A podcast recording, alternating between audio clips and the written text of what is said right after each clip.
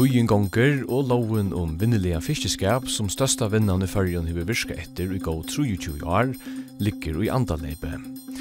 Fyrjar skulle hava nutja fiskevinneskipan fra 1. januar 2018. Hetta har vi hørt nekv om seinaste 20 årene. Men hvordan er vi kommet hier? hvor hava vi i så lenge tui tjekast om hessa góa nyskipan. Og hva er det tjekast vi mest om, bæg i middelen politiska flokkar og i allmenningsnum? Hesa spurningun fer vi da røyna sværa og i en rød av sendingun om fiskevinne nyskipanna neste viknar. Vi byrja vi byrjanne, og vi byrja nu. Fiskevinne og hvor er det at vi skulle hava enn sluka? Fyrir a sværa tog spurningin gjerra vi det legg atru søvna. Årsøkjen til er vi du det at hos om nødja skipan hongur sama vi hendingon senast du holdt hundra årene. Fyr var føresk fiskevinna pura frals.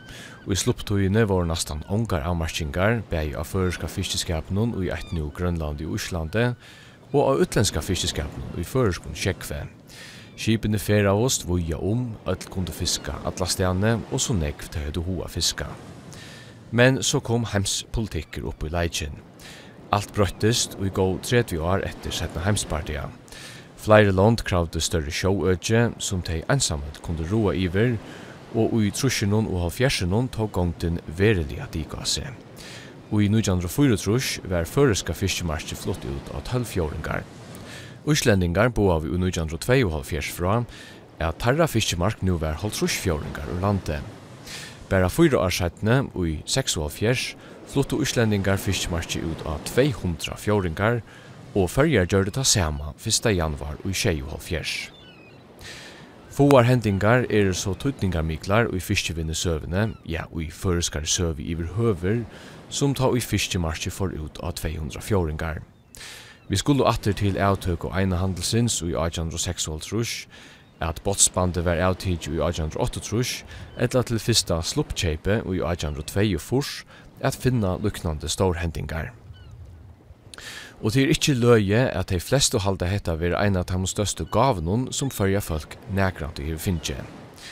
Utlendingar høyde trått føreske grunnanar i nekv hundra år, og fra 1. januar i 2024 høyde heser brottliga onga i til eit risa størst økje kring Luttle og Tjona. Eit sjåøkje som er gau 95% av ötlun føreskun økje til samans. Men talan vær om eit tvoi eidjas før. Tui samstundes som utlendinga vårt tvattir ur føreskun sjekve, sloppu føreske skipene ikkje langer at farstast fra einun kjentun mye til anna i Norr-Atlantshavet, som dei høyde gjørst ui nærum eina øld sujan slopptøyen byrja igjen. Nu var føreske flåten fengaver ui egnon akvarium som flere hava tidsi til. Fiskarøyge grunnanar vi Osland, Vestergrønland, Newfoundland og Erastjane var jo ikkje langer frutt at komelige kja føreske skipenon. Norr-Atlantshavet var ikkje langer speleplass kja føreske flåtanon, nu skulle han halda seg til sutt ødje. Og vi eit fekk politiska skipanen avbyrd som hon ikkje hei haft framan undan.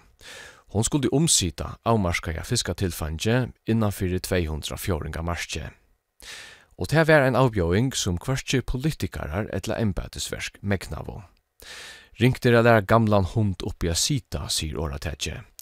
Vei i hukkborren, bei tja politikaren og vinnerekande, tok ikkje hatt fire at tilfangen nu var avmarska. Hukborren fyllte ikkje nudja geopolitiska verleikanon etter 6,5 og det var ein av høvesårsøkene til at landet får a husageng 15 år setne. Otni Olafsson, skrivstovestjóri av landskrivstovene fyrst og i forsvarenon, sier såleis om avbjøringene og i grein nujan fra greinsni om forsvarene. Og i større og større mån for føreska fiskeøkja gjerast alite og tog var tørvor og at nøyta det så bioskaparlia kinsamlia som møvlet.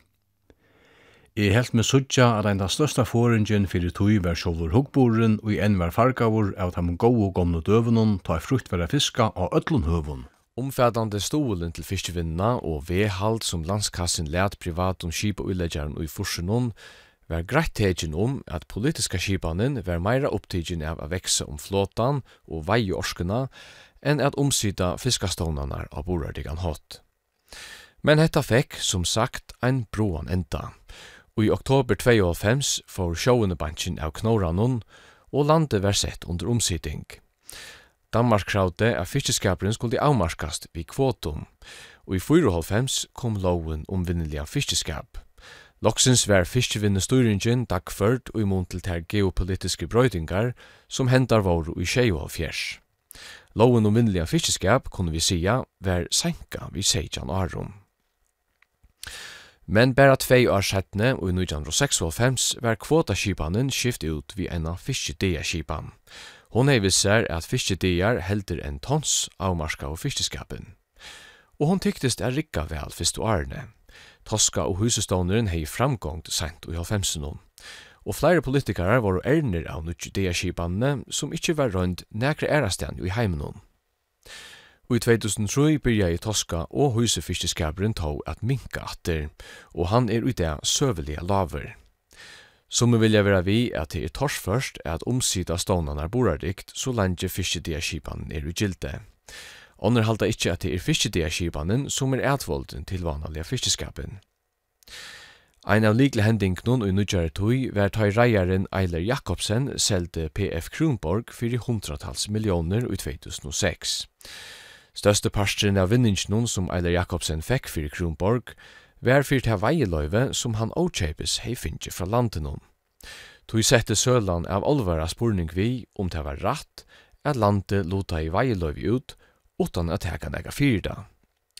Løgtinge og landstyre ressavust. Løyvene var oppsøkt og skulle genge ut 20 år sættene tan 31. desember i år.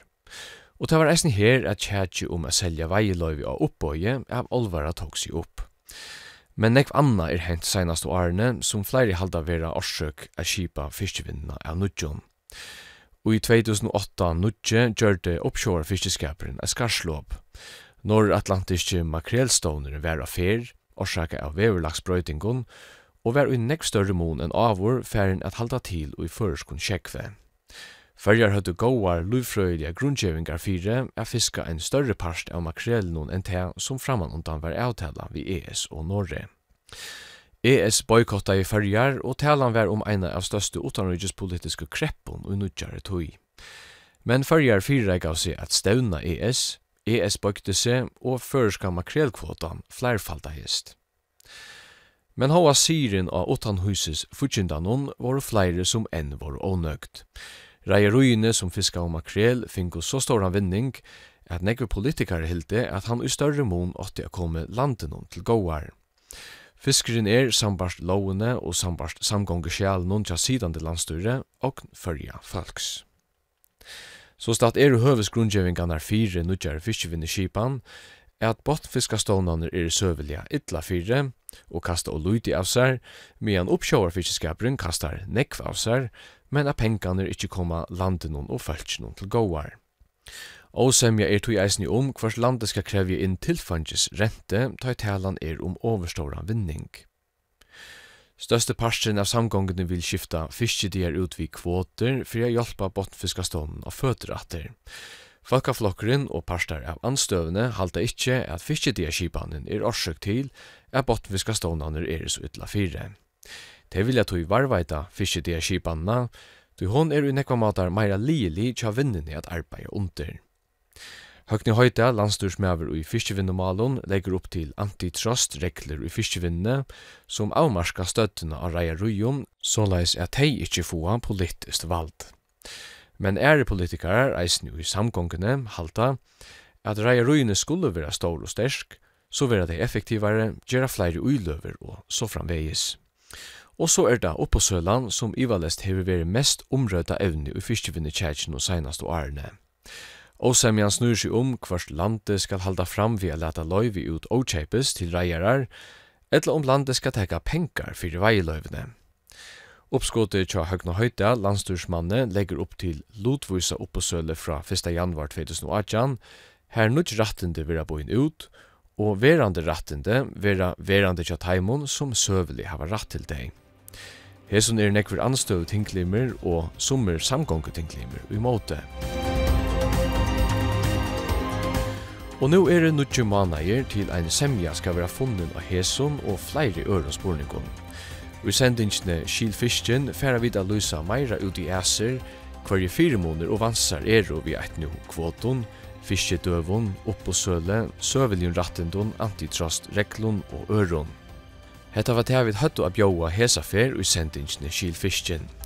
Flere parstar vera sendir komande vikunar, sendingarnar vera eisne tøkar av heimasui okkara kvf.fo framskak fisk og som podcast.